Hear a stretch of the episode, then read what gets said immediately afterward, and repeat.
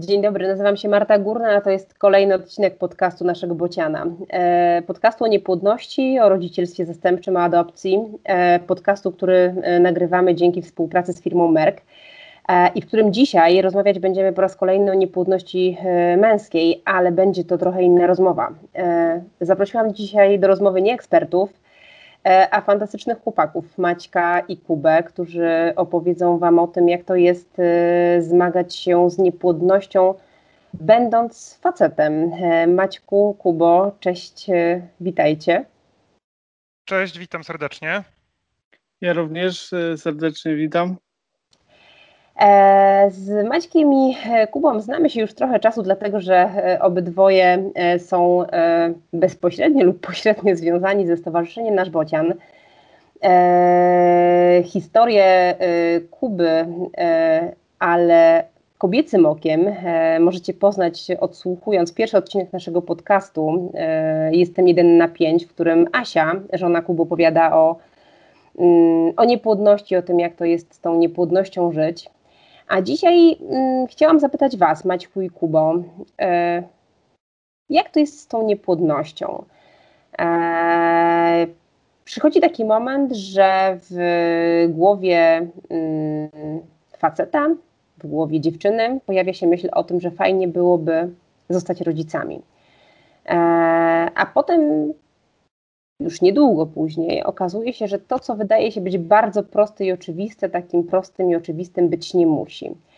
E, Kuba, pamiętasz e, ten pierwszy moment, kiedy zapaliła się lampka taka kontrolna w głowie, że coś może być nie tak? To znaczy, y, tak, y, ja powiem szczerze, że tu jest sprawa o tyle złożona, że było kilka takich e, spustowych e, zdarzeń, które uświadomiły mi problem niepłodności nie tyle mojej żony, już teraz żony, co, e, co też i mojej. Pierwszym, pierwszą, pierwszą sprawą, znaczy na samym początku tej drogi, bo Asia jest moją, że tak powiem, pierwszą miłością i od tej pory jesteśmy ze sobą praktycznie. Najpierw byliśmy w parą, później w narzeczeństwie, a później e, no, byliśmy, jesteśmy małżeństwem. Z tym, że ja już pierwsze problemy przewidywałem, bo wtedy byliśmy, byłem studentem, ja jestem lekarzem i już y, wiedziałem, że może być jakiś tam problem, bo były symptomy, tak, świadczące o tym, że jest nieregularna miesiączka, że ta miesiączka potrafi, potrafi jej nie być nawet do 100 dni, więc spodziewałem się problemów, które później się podiagnozowały. Y, u siebie nie dopuszczałem, znaczy dopusz, nie dopuszczałem, no nie, no nie dopuszczałem problemu y, po swojej stronie. Później zacząłem specjalizację, to była specjalizacja chirurgiczna. E, oczywiście wyjściowo, jak w 2009 roku staliśmy się małżeństwem, już oczywiście myśleliśmy o dzieciach, więc zaczęliśmy się starać. E, wiadomo, że na początku nikt nie myśli o tym, że będzie miał kiedykolwiek problemy z tym, żeby mieć potomstwo, tak? biologiczne oczywiście potomstwo. Że tak powiem, nasza droga była dość złożona, bo Julka się urodziła po siedmiu latach starań. E, tym niemniej jednak, jeszcze przed małżeństwem już zaczęliśmy się starać. E, tym niemniej jednak e, pierwszy symptom tego, że coś ze mną może być nie tak i pierwsze myśli, obawy na temat mojej niepłodności były po bodajże roku czy dwóch kiedy systematycznie, systematycznie robione badania nasienia pokazywały spadek jakości, były wizyty u andrologów, były podejrzenia przewlekłych zapaleń, no i w końcu sugestia padła na to, że po drugiej stronie właśnie niepłodności lekarze, chirurdzy, którzy mają kontakt z gazami anestetycznymi, mają e, niestety, mogą mieć problemy. Statystycznie częściej niż e, ci, którzy z tym, że tak powiem, nie mieli kontaktu. Jakichś bezpośrednio dużych badań nie było na ten temat wykonanych. No i niestety praca, którą kocham, którą uwielbiam, mogła być przyczyną e, tego, że też może mi zamknąć drogę na to, żebym miał potomstwo. Co było nieprzyjemnym ukłuciem, ale jak to też w mojej pracy bywa, jeżeli jest alternatywa, czyli jeżeli jest inne możliwości e, leczenia pacjentów, no to póki piłka w grze, to zawsze szansa jest. Po bodajże drugim programie nieudanym, e, no już sytuacja była bardzo poważna, bo w jednej z klinik otrzymałem informację, że w grę wchodzi z moim nasieniem, w grę wchodzi tylko i wyłącznie adopcja, na co absolutnie nie byliśmy gotowi i statystyka wyraźnie też mnie dobiła. To był ten pierwszy moment, w którym podcięto mi skrzydła, ale tak bardzo, że po prostu pikowałem w dół i nie wiedziałem, jak sobie z tym poradzić. Nie ukrywam, że to jest jeden z takich y, Y, jedno z takich przeżyć, które, które bardzo mocno. Y, ja też powinienem powiedzieć o tym, jaką ja postawę w tej całej niepłodności, w tej walce y, przyjmowałem od samego początku, co też momentami irytowało się, ale generalnie wtedy to po prostu pierwszy raz rzewnie zapłakałem, po prostu wiedząc o tym, że jak małe szanse możemy mieć, jeżeli już specjaliści mówią nam o tym, że tylko i wyłącznie adopcja wchodzi w grę. Nie byliśmy jeszcze mhm. wtedy gotowi na. Ja do tej pory nie jestem pogodzony ze swoją, z taką możliwości nieposiadania własnego dziecka, tak? Czyli nie jestem mhm. również, jednocześnie nie jestem gotowy na to, żeby podejść do rozmów o adopcji zarówno gamety, jak i nawet adopcji społecznej. Nie, po prostu nie jestem gotowy. Myślę, że e, jest to jakieś jest to super rozwiązanie, ale w tej całej czasem i tutaj przepraszam za to wtrącenie politycznej czy, czy społecznej dyskusji, zapomina się o tym, żeby zapytać pary, Y, czy faktycznie gotowe. one, czy one są gotowe, czy są pogodzone ze swoją chorobą, bo jednak niepłodność traktuję jako chorobę. Jako lekarz mam też inne przekonania do tego, w jaki sposób można z tym walczyć. Mhm. Więc najgorszym momentem było dla mnie wtedy tak naprawdę, kiedy dowiedziałem się o tym, że w grę wchodzi tylko i wyłącznie z moim nasieniem, nie da się nic zrobić. Oczywiście zmieniliśmy klinikę, skonsultowaliśmy się z kimś innym i okazało się, że można jednak i skutecznie się udało. Że jednak się da. Że, że jednak się da, więc y, E, nie wiem za co, nie wiem komu można e, dziękować. Tym niemniej jednak e, wtedy pierwszy raz poczułem, mogłem poczuć to, co czuła Asia od samego początku i to było strasznie ciężkie. Cisną mi się na usta oczywiście bardziej niecenzuralne słowa, i powiem, powiem szczerze, że tak, dyskutuje się, no tak, no ale gdybyś miał rozpoznanie inne, no nie wiem, no nowotwór i tak dalej, i tak dalej. Tylko pamiętajmy o tym, że każdy indywidualnie, nikt nie, nie spał w naszym łóżku, nikt nie chodził w naszych butach i uważam, że trzeba pewne rzeczy uszanować. I powiem szczerze, że czułem się cholernie źle. Bardzo długo mi zajęło pogodzenie się z tym, bo jak w każdej diagnozie musi być po, w pewnym momencie jest frustracja, jest gniew, Później trzeba się pogodzić z pewnymi faktami i zastanowić się nad e, inną ścieżką. I tak, doświadczyłem tego i wtedy, bo najbardziej dobiła mnie myśl o tym, yy, yy, o tym, że zmniejszyły się nasze szanse na posiadanie biologicznego dziecka i to było, to było okrutne. Tak bym skończył tą, ten długi wywód, może za długi. Kuba, e, u Was to się działo stopniowo. Maćku, u, tak. u Was było podobnie? Czy, czy, czy też ta myśl o tym, że, że niepłodność może być tą chorobą, która Was dotyczy, yy, że ona przychodziła gdzieś stopniowo, czy, czy, czy to było takie wielkie boom, że yy, nagle spadła na Was diagnoza i, to, i, i była zaskoczeniem? To znaczy, tak, diagnoza spadła nagle, ale mm, też w odróżnieniu od wielu innych par, yy, znając różne ludzkie historie, yy, z pierwszej ręki, myślę, że u nas ta diagnoza była względnie szybka. Y, działo się tak dlatego, że mm, kiedy zostaliśmy małżeństwem, to oczywiście traktowaliśmy wszystko, jak to się mówi, na lajcie. No, po prostu odstawimy wszelkie formy antykoncepcji i będziemy regularnie współżyć. Prędzej czy później się uda. Przecież każdemu się udaje. Tak właśnie myśleliśmy, bo nie oszukujmy się, tak myśli większość par, która y, zaczyna starać się świadomie o y, potomstwo. Natomiast żona miała wtedy koleżankę w pracy, która właśnie zmagała się z własną niepłodnością.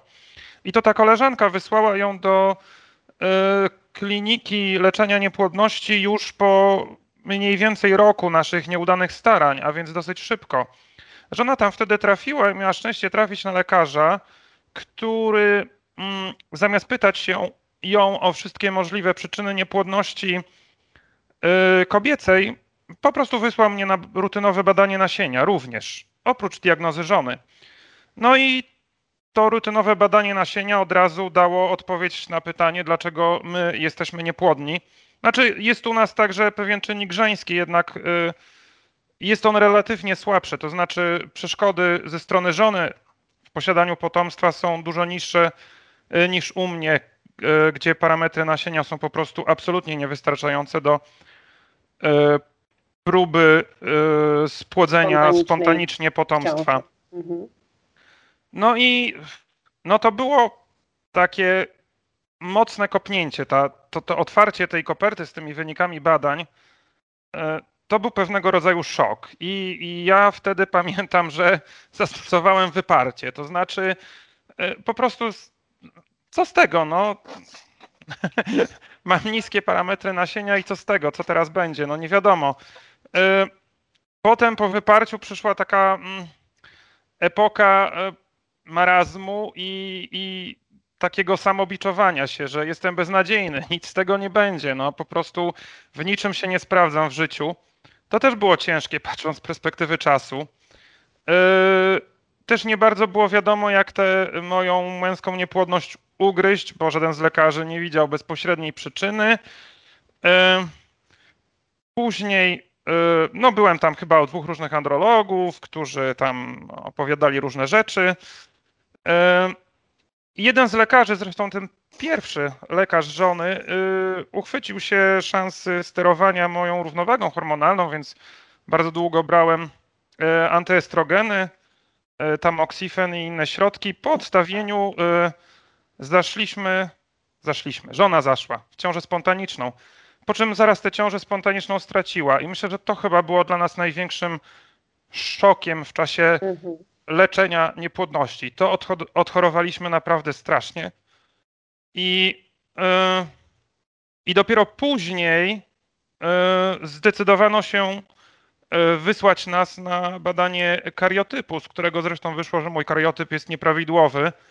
Jestem nosicielem translokacji chromosomalnej i prawdopodobnie dlatego jestem niepłodny.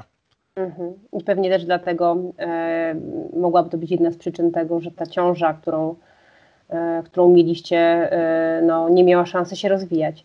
Bardzo prawdopodobne. Maćku, e, powiedz mi, czy to, mm, jak to u Was było? Bo stereotypy są takie, że w tej niepłodności, e, e, w tej, w tej drodze przez niepłodność, tą stroną bardziej zaangażowaną są kobiety że to one, yy, nie wiem, mają silniejszy instynkt macierzyński niż faceci ten instynkt tacierzyński, że to, że to one trzymają ten kalendarz w ręku, umawiają te wizyty i mówią, przypominają, słuchaj, teraz dzisiaj współżyjemy, dzisiaj nie współżyjemy, że, że mm, są tym motorem, tak, napędzającym leczenie. Czy tak było u Was, czy, czy to się jakoś bardziej równoważyło? Myślę, że początkowo mogło tak być. To znaczy, zdecydowanie na samym początku naszej drogi przez niepłodność e, praktycznie wszystko było inicjatywą żony. Wysyłanie mnie na badania, e, pilnowanie terminów, e, pilnowanie cyklu i tak dalej, i tak dalej. Ja to wszystko tak traktowałem bardzo, taki bardzo wycofany byłem w tym początkowym etapie terapii. Myślę, że znowuż tym momentem, kiedy tak naprawdę oboje zaczęliśmy pracować, czyli ja też dostrzegłem, że to jest mój autentycznie problem, była właśnie ta utrata ciąży. Bo myślę właśnie, że dopiero po tym poronieniu ja doszedłem do tego, że do tego punktu, że jednak naprawdę strasznie chcę być ojcem, zwłaszcza jeżeli matką ma być ta właśnie kobieta, czyli moja żona. W związku z czym dopiero wtedy zacząłem poważnie traktować kwestię leczenia i diagnostyki. Także nie wiem na ile, nie znam aż tylu historii ludzkich, żeby generalizować, ale myślę, że często tak jest, że przynajmniej stroną inicjującą y, leczenie i diagnostykę jest kobieta. Bardzo wielu mężczyzn jakby dorasta w czasie tego leczenia i y, podejmuje swój kawałek odpowiedzialności za ten proces, tak? Ale u nas było to przynajmniej początkowo tak dosyć stereotypowo, no a skończyło się już takimi naprawdę wspólnymi staraniami o dziecko. Mhm. Kuba, u was? Czy to też Asia e, była silnikiem? E, to znaczy tak, ja, e, Asia jest zadaniowcem, więc w wielu takich kwestiach tak, znaczy myślę, że, że tak, Maciej tutaj pięknie to ujął i myślę, że tak, że do pewnych rzeczy trzeba dorosnąć ja mając, ja miałem tak w głowie taki obraz, yy, przepraszam może za, za anegdotę, może niekoniecznie dobrą, ale pamiętam, że na, jeszcze jak byłem na studiach, na zajęciach z ginekologii, na ginekologii jednej leżała pacjentka po właśnie hiperstymulacji. Ona finalnie była w bardzo ciężkim stanie, zakończyła swój żywot na jomie, nie wiem nawet czy przeżyła. Generalnie Wiedziałem tylko wtedy o in vitro tyle, no, że, że jest, że ta metoda jest stosowana i zawsze miałem, jeżeli była w naszych założeniach, że będziemy kiedyś się parać, jeżeli chodzi o in vitro, to po prostu zawsze stawała mi ta kobieta przed oczami, że jednak no, tak generalnie dla mnie hiperstymulacja była po prostu czymś, ja się przeżyła dwie hiperstymulacje, ja też, też to, też bojąc się o nią, powiedziałem sobie jedno, że ja jestem w stanie nie posiadać potomstwa. Ja jestem w stanie sobie życie bez potomstwa wyobrazić. Oczywiście teraz jestem troszeczkę z innego punktu widzenia, bo wiem, ile to daje radości ale wtedy byłem w stanie powiedzieć, że nie muszę mieć dzieci, ważne, żeby właśnie Asia, bo nikt z nas nie, no, nie urodził się ani mężem, ani, ani żoną, ani ojcem, ani matką. I myślę, że to w, z czasem pewne rzeczy mm, doświadczamy, ale wiedziałem o tym też, że nie chciałbym jej nigdy przenigdy stracić, szczególnie chcąc posiadać dziecko. Szanuję oczywiście wybory, że za wszelką cenę pewne rzeczy chce się osiągnąć, ale tutaj to było mój, moim takim stricte, że ja bym w stanie sobie, ja byłbym w stanie sobie pogodzić się z tym, że po prostu jestem osobą niepłodną i nie mogę posiadać dziecka i potrafiłbym się z tym, myślę, pogodzić. E, a jeżeli wracając do pytania, tak, Asia była motorem napędowym, teraz to wiem, Wiem, jestem, jestem o tym nawet przekonany. E, była taki moment, że staraliśmy się, ja paliłem papierosy jeszcze wtedy, oczywiście, i doszliśmy do, po szczerej rozmowie, oczywiście do wniosku takiego, no ale słuchaj, no jak to, ja się tutaj kuję, e, szprycuję, pod, pod, e, pod, że tak powiem, narażam, a ty, no co, też palisz, też osłabiasz swoje, swoje nasienie, no a w tym, tym samym udowodnione jest, że osłabiamy no, swoje szanse. I, I, przyszedł taki moment, że z dnia na dzień po prostu rzuciłem to, tak? I jest mi z tym dobrze, bardzo się cieszę, bo to było na przykład mo, mo, motywacją Asi do tego, żebym to zrobił. Y, I tutaj się zgodzę z Maćkiem, że do pewnych rzeczy ja dorosłem, do pewnych rzeczy na tej drodze. Ta, ta droga myślę, że nas wzmocniła, znaczy ta, te przeżycia nas wzmocniły, ale tak, tutaj Asia jest zadaniowcem. Ona miała kalendarz, ona wszystko ustalała, ona pertraktowała na tym, tu musisz mieć wolne, tu musimy pojechać. Jedyne, w czym nie było nacisku, co mnie bardzo cieszy, to to, że w momencie, kiedy była szansa zbliżenia się, to nie patrzyliśmy na ten cykl. Owszem, gdzieś tam e, siłą rzeczy cyrklowaliśmy e, do tego, ale jednak zbliżenie było taką na tyle fajną rzeczą, że nie było tak, e, wiesz, teraz tutaj e, zaraz, e, zaraz masz tak. być e, po dyżurze masz być wypoczęty, bo ja tutaj będę działać tak jak w czasy w komediach się w sposób bardzo subtelny dotykających sprawy niepłodności, a jest takich kilka, gdzieś tam się pokazuje, że jest, nawet jest to bardzo przerysowane.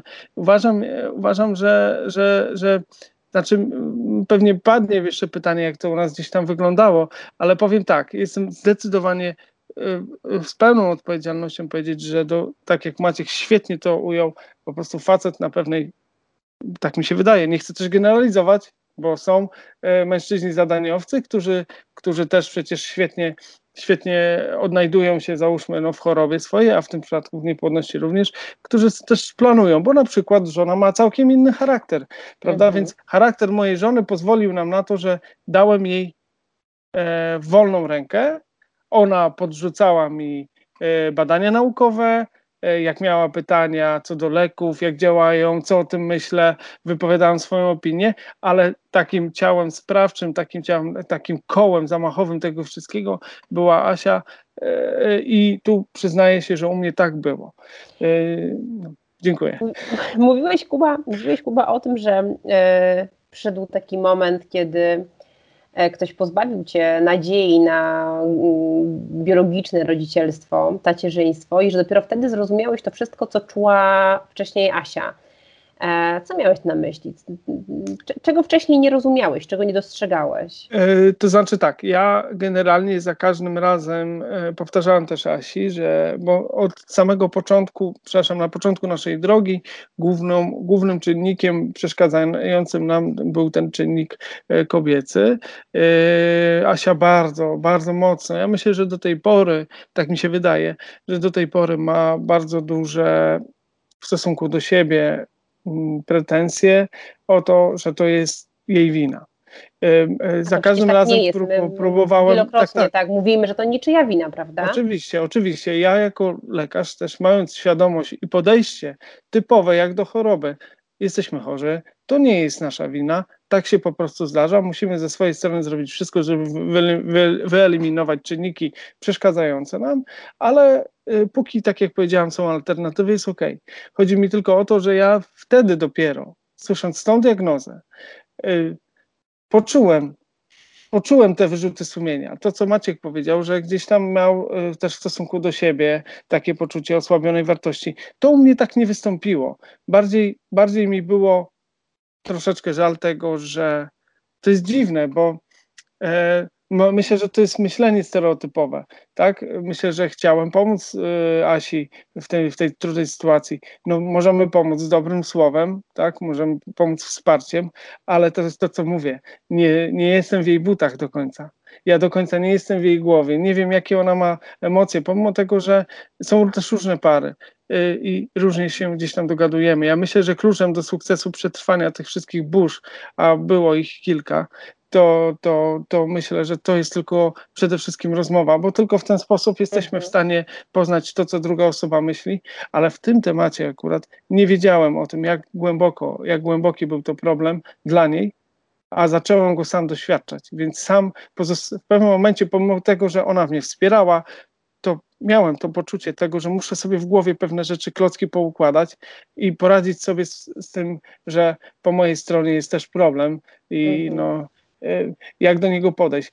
Myślę, że dość sprawnie sobie z tym poradziłem i nie mam, nie mam wyrzutów sumienia tego, że tak jest, jak jest. Potrafiliście być e, w tych trudnych chwilach razem, czy jak trzeba się było wypłakać po kolejnym negatywnym teście, E, albo po, y, nie wiem, kolejnym wyniku, który był nie taki, jakbyście sobie wyobrażali, że miałby być, potrafiliście być w tym razem, bo to też nie jest łatwe. Maciek, Kuba, jak to wyglądało u Was? E, to zdecydowanie nie było łatwe. Myślę, że były czasy, kiedy żona e, miała pełne prawo narzekać na brak wsparcia z mojej strony. Myślę, że to też przychodzi z czasem. To jest trudne, myślę, dla par leczących się z niepłodności. Nawet jeżeli tylko jedna strona y, posiada jakiś czynnik, który tę niepłodność wywołuje, to zawsze jest to problem pary. Natomiast nie zawsze jest łatwo nawet między sobą o tym rozmawiać. No tak, mówisz, coś, co... my, Maćku, my Maćku rozmawiamy z pacjentami, z, z, z, ludźmi, którzy dzwonią na przykład do linii pomocy pacjent dla pacjenta i mówią, że ja, ja, ja dzwonię, bo, bo łatwiej mi jest porozmawiać z kimś obcym niż z własnym facetem. Musiałbym się spytać żony, czy u nas tak było, ale y, myślę, że nigdy nie było to aż tak. Myślę, że nigdy nie było to aż tak. Wiem, że są mężczyźni, którzy w ogóle nie, nie, nie akceptują diagnozy niepłodności i y, ich partnerki mają wtedy zdecydowanie większy problem z, po prostu z dźwiganiem takiego ciężaru. U nas to nigdy aż tak nie wyglądało. Zawsze, zawsze byłem przy żonie i e, zawsze te nasze starania były w pewien sposób wspólne. Myślę tylko, że e, miałem problem z emocjami. Zdecydowanie je tłumiłem, przynajmniej na tym pierwszym etapie leczenia naszej niepłodności. W związku z czym mogłaby się przez to wydawać, że jestem jakiś straszliwie zimny w tej kwestii i że nie stanowię emocjonalnego wsparcia dla, dla swojej partnerki. Y, ogólnie uważam, że to jest bardzo różnie, bo to zależy mhm. bardzo wiele od już istniejących relacji w parze, zależy to od temperamentów e, obojga osób. Także jest wiele czynników, które determinują o tym, jak ludzie dotknięci niepłodnością będą między sobą o tym problemie rozmawiać.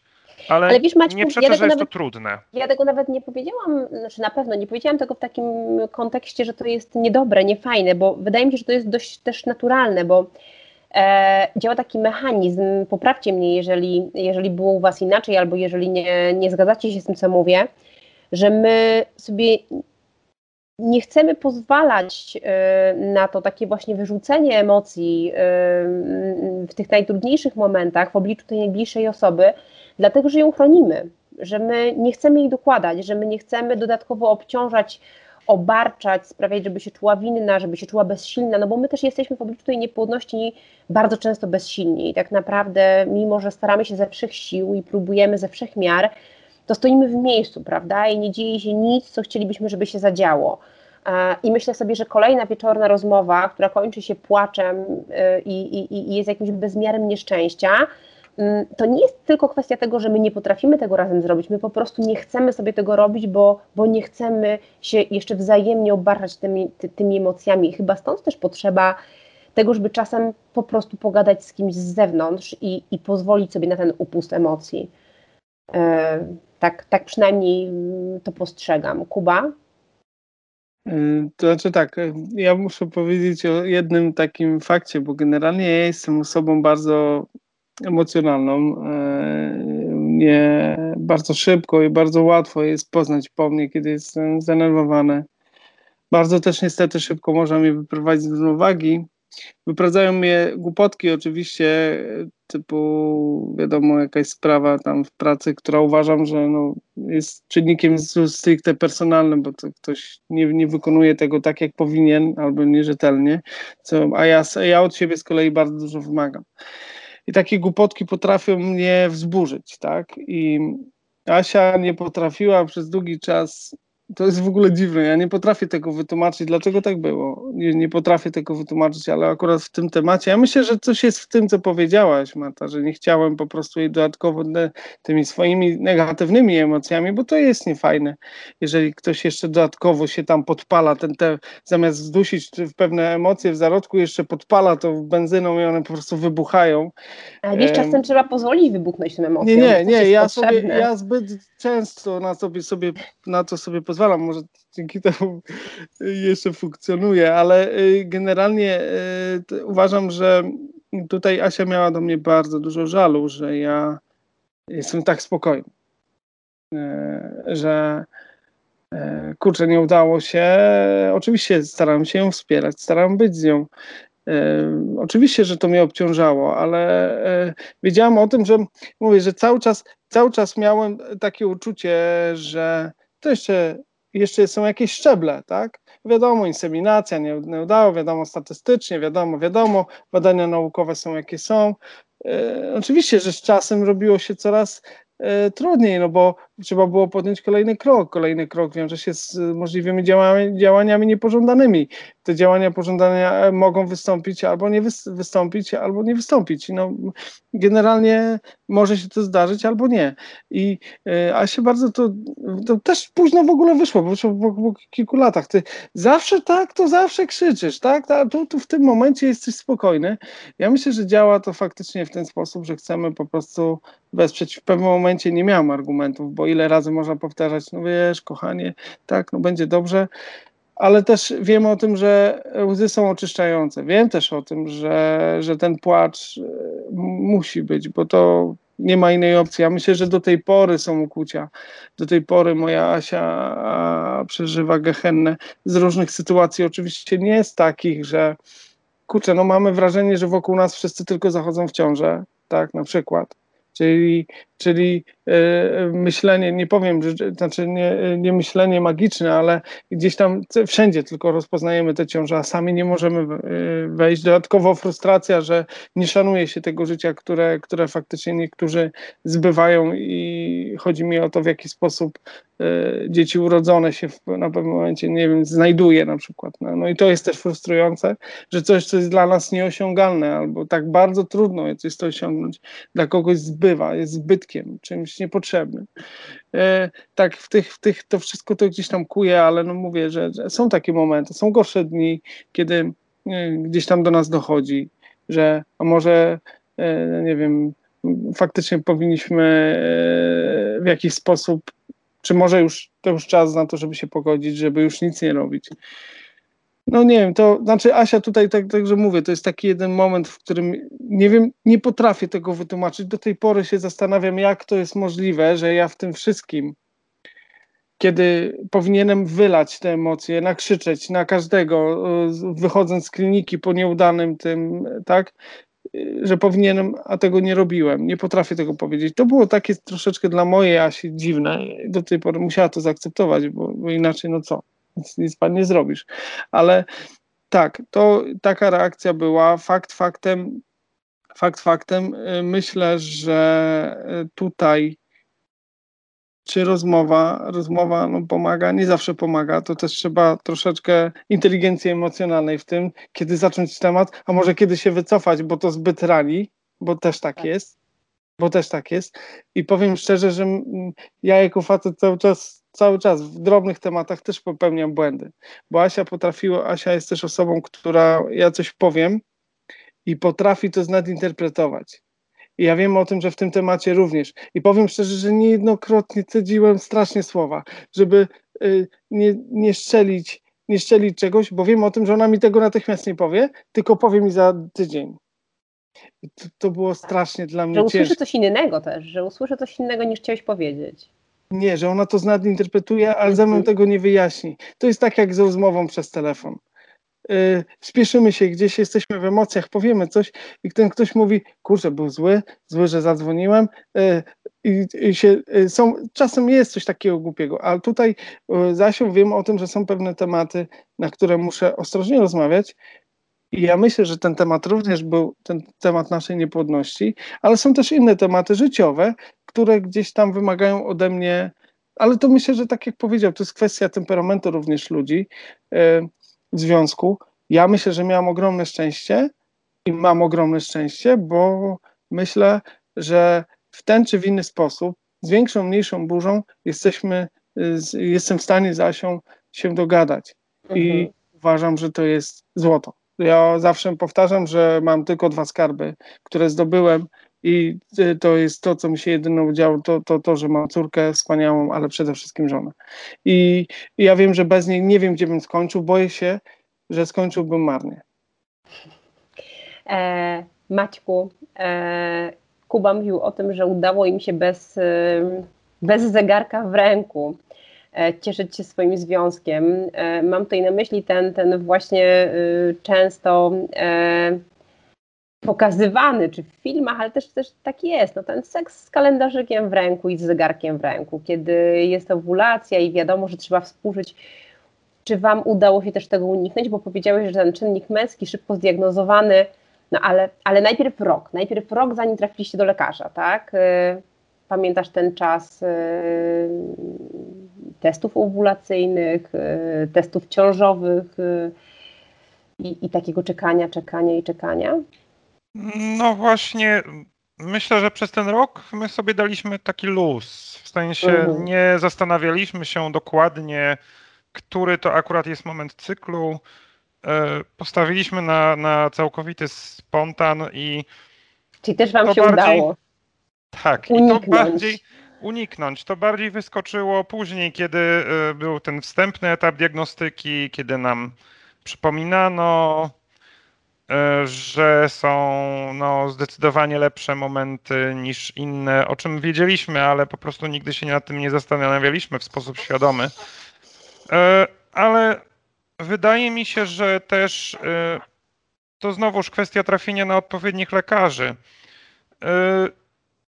jeżeli lekarz w wywiadzie stwierdzi, że para po prostu regularnie współżyje, czyli powiedzmy te trzy razy w tygodniu przynajmniej, to nie będzie jakby naciskał na mhm. e, konkretny dzień i godzinę tego współżycia, bo wiadomo, że jeżeli taka para nie ma problemu z płodnością, to się w to okienko sama wstrzeli, tak? Więc e, nawet jeżeli te problemy z niepłodnością są niezbyt wielkie, to wciąż nie zawsze konieczne jest po prostu absurdu, absurdalne trzymanie się zegarka. W każdym razie my wydaje mi się, że to nigdy nie było u nas źródło frustracji.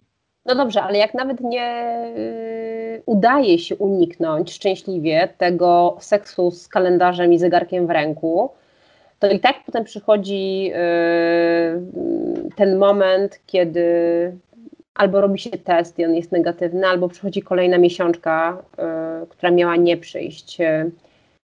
To bardziej Marta wiedziała, że to jest ten dzień, czy też byłeś świadomy tego, że mijają kolejne miesiące i, yy, i nie wychodzi? Znaczy, myślę, że oboje byliśmy świadomi. W każdym razie, no, wiedziałem, że coś może być nie. Znaczy, mhm. czy wiedziałem? Przypuszczałem, że coś może być nie tak, skoro y, nic z tego nie wychodzi, prawda? Y, I miesiączki przychodzą sobie regularnie. W przeciwieństwie do tego, co wspominał Kuba, u nas to akurat nie stanowiło problemu, w sensie cykle żony są raczej regularne, także mniej więcej wiedzieliśmy, kiedy się spodziewać E, kolejnej miesiączki, no ona tam w ciągu plus minus dwóch dni zawsze nadchodziła. No i każda taka niestety, kolejna. Wtedy niestety. niestety. Wtedy niestety. I każdy taki kolejny cykl to był znowuż stres, że znowu się nie udało, tak? I... No dobrze, ale czy to potem rzutuje, no bo wiecie, e, kalendarzyk i zegarek to, to, to jedno, a, a te oczekiwania, które się gdzieś rodzą z każdym niemalże pójściem ze sobą do łóżka, no bo to tak trochę jest, prawda, że my mm, Oczywiście czerpiemy radość z tego seksu, czerpiemy radość ze związku, z bliskości, ale jednak gdzieś tej, w tej głowie jest ta nadzieja ciągle, że to jest ten raz, tak? Że, że może tym razem się uda, że to, to chyba też y, gdzieś tam daje i po emocjach, i, i, i, i powoduje, że potem można się mocno rozczarować i, i, i frustrować.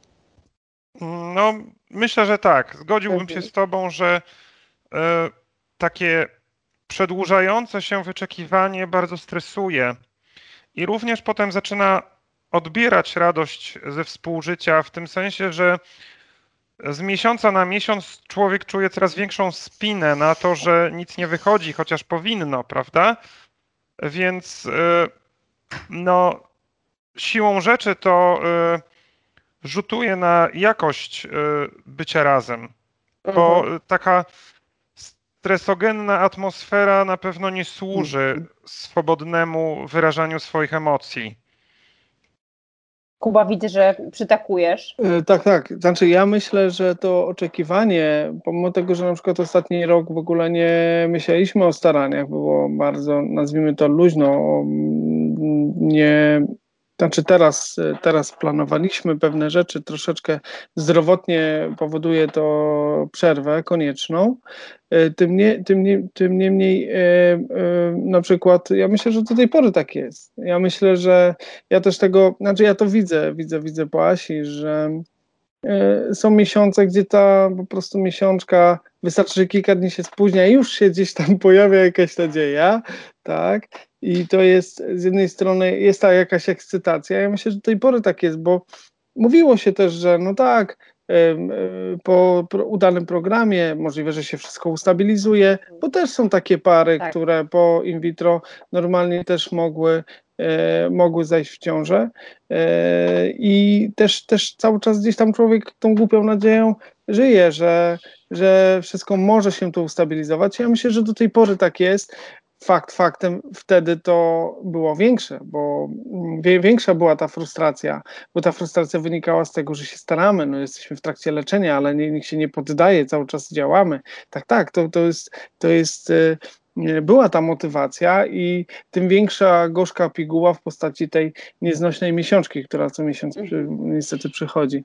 A z tego, co mówisz, Kuba, yy, wynika jednoznacznie, że wy jeszcze nie powiedzieliście ostatniego nie. słowa i że yy, to, że jest córka wasza fantastyczna, yy, to super, ale że myślicie o tym, że fajnie byłoby, gdyby pojawił się jeszcze jeden mały ktoś.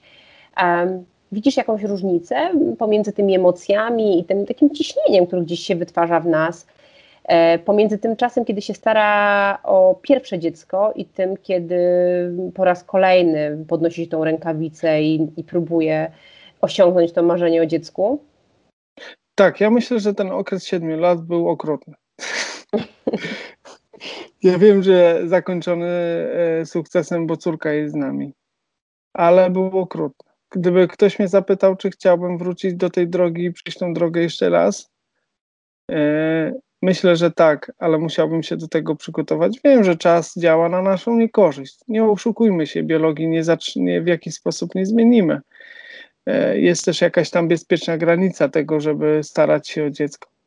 E, myślę, myślę jednak, że, że jest coś takiego, ale myślę też, że nie, mo nie można tego generalizować. Gdybym miał możliwość przyjęcia jeszcze kilku dzieci, przyjęcia w dom, do domu, bardzo chętnie bym to zrobił. Powiem szczerze, że myślę, że każdy z nas inaczej podchodzi do problemu i pomimo tego wiem o tym, że on jest tak fakt, faktem i nie, nie muszę być tutaj szczery, że nie pogodziłem się z tym. Chciałbym jeszcze spróbować i myślę, że spróbujemy.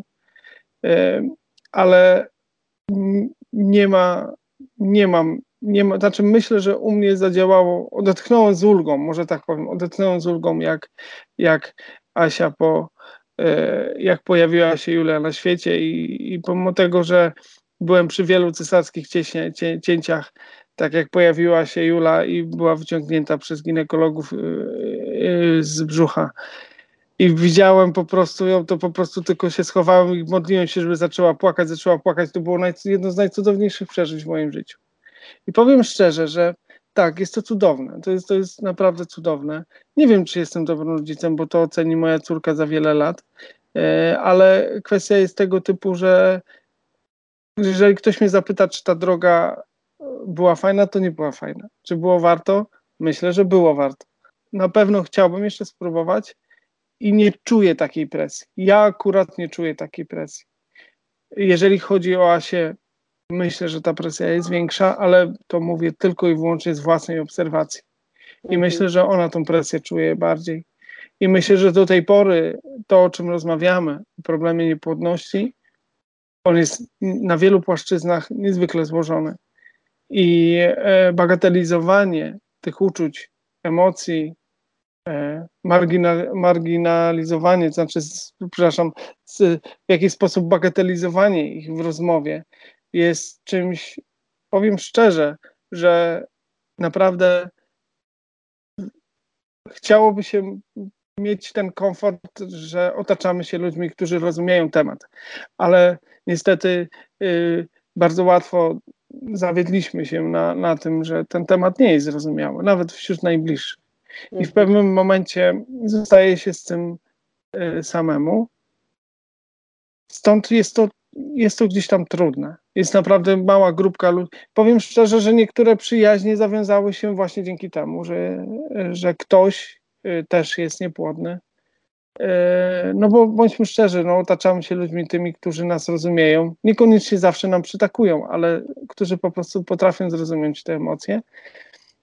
Także tak na tym was skończył y, tą wypowiedź w tym temacie. Maćku, Maćku, gdybyś miał powiedzieć coś facetom, którzy tą drogę, niekoniecznie łatwą, jak mówił Kuba, mają jeszcze przed sobą, e, którzy wraz ze swoimi partnerkami mm, dopiero zaczynają podejrzewać, że coś jest nie tak i że może to czekanie to już trwa zbyt długo.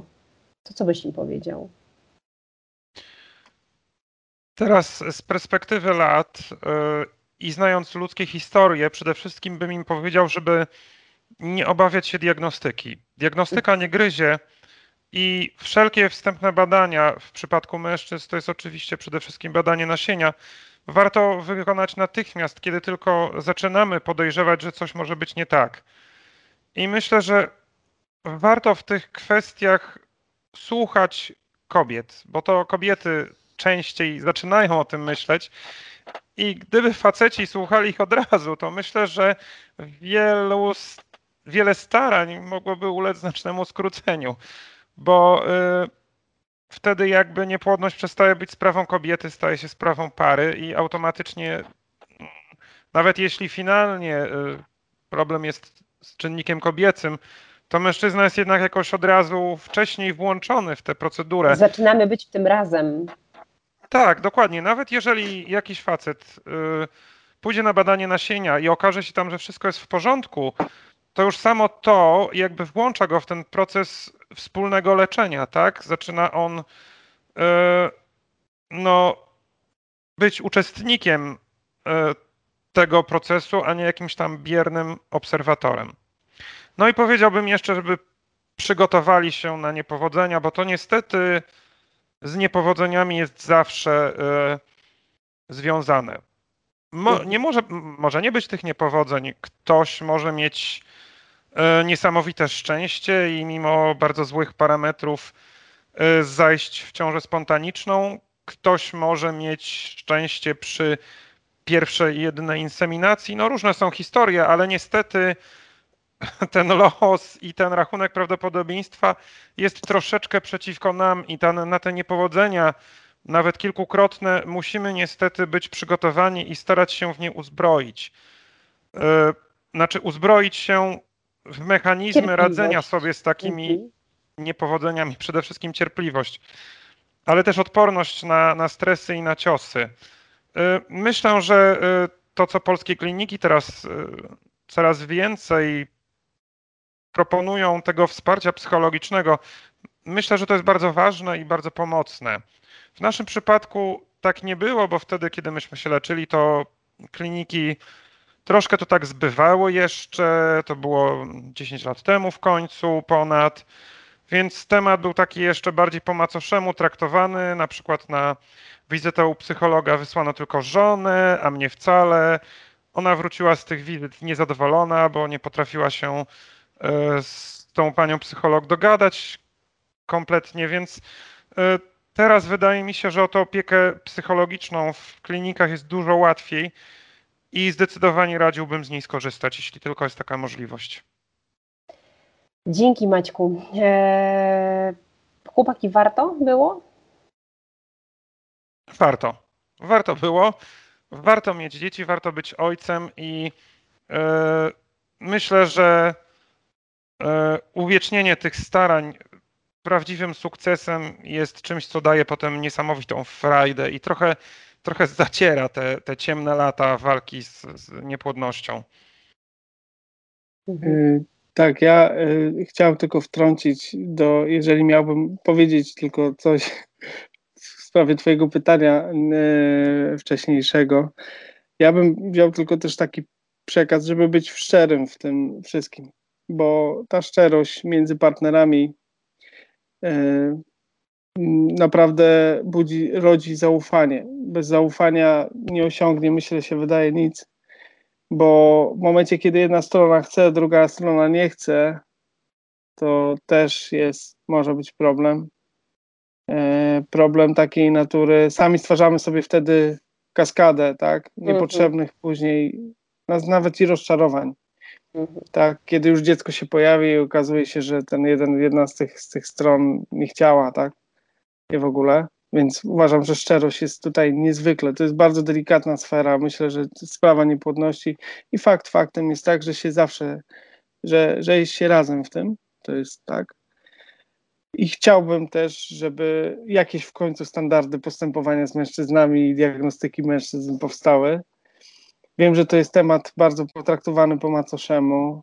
E, w pewnym momencie przestałem już tego śledzić. Ba, nawet myślałem o tym, żeby się zostać andrologiem w ogóle był taki moment zrobić sobie do tych wszystkich moich specjalizacji jeszcze coś tam, żeby ten, ale nie wiem, czy bym, nie wiem, czy bym był dał radę, ale tak, myślę, że chciałbym, żeby ta, tej diagnostyki nie wolno się bać. Diagnostyka, ja to też swoim pacjentom powtarzam, więc ja naprawdę staram się, uważam, że lepiej zapobiegać niż leczyć. I uważam, że jeżeli można coś zrobić zawczasu, pojawić się trzy razy niepotrzebnie niż raz za późno, y, myślę, że tak. Myślę, że, że to, co Maciek, na co Maciek zwrócił uwagę, tak. A na drugie, na kolejne Twoje pytanie, tak, bardzo. Jestem szczęśliwy z tego, że posiadam e, e, moją małą córkę. E, i tak, tak, Maciek, jest też z Maćkiem się zgodzę, że te, te, te 7 lat, gehen, no nie gehenne, ale tych starań, tych problemów, tych, e, tych różnych dni, e, tych napięć, tych emocji, tak, faktycznie szybko się o tym zapomina. Ja myślę, że to jest z jednej strony fajne i piękne, że się po prostu szyb, szybciej się o, tych, o tym zapomina. Chłopaki, e, to było bardzo ważne spotkanie i niesamowicie jestem Wam wdzięczna, że zgodziliście się podzielić z nami emocjami, historiami e, ze mną, z naszymi słuchaczami. E, moimi gośćmi był Maciek i Kuba, e, a Was wszystkich pozdrawiamy serdecznie. Kończąc tegoroczną kampanię Tata, najważniejsze słowo dla mężczyzny i zachęcamy do przesłuchania e, wszystkich pozostałych równie dobrych odcinków podcastu naszego Bociana. Dzięki chłopaki. Dziękuję. Bardzo dziękuję. Do usłyszenia. Do usłyszenia.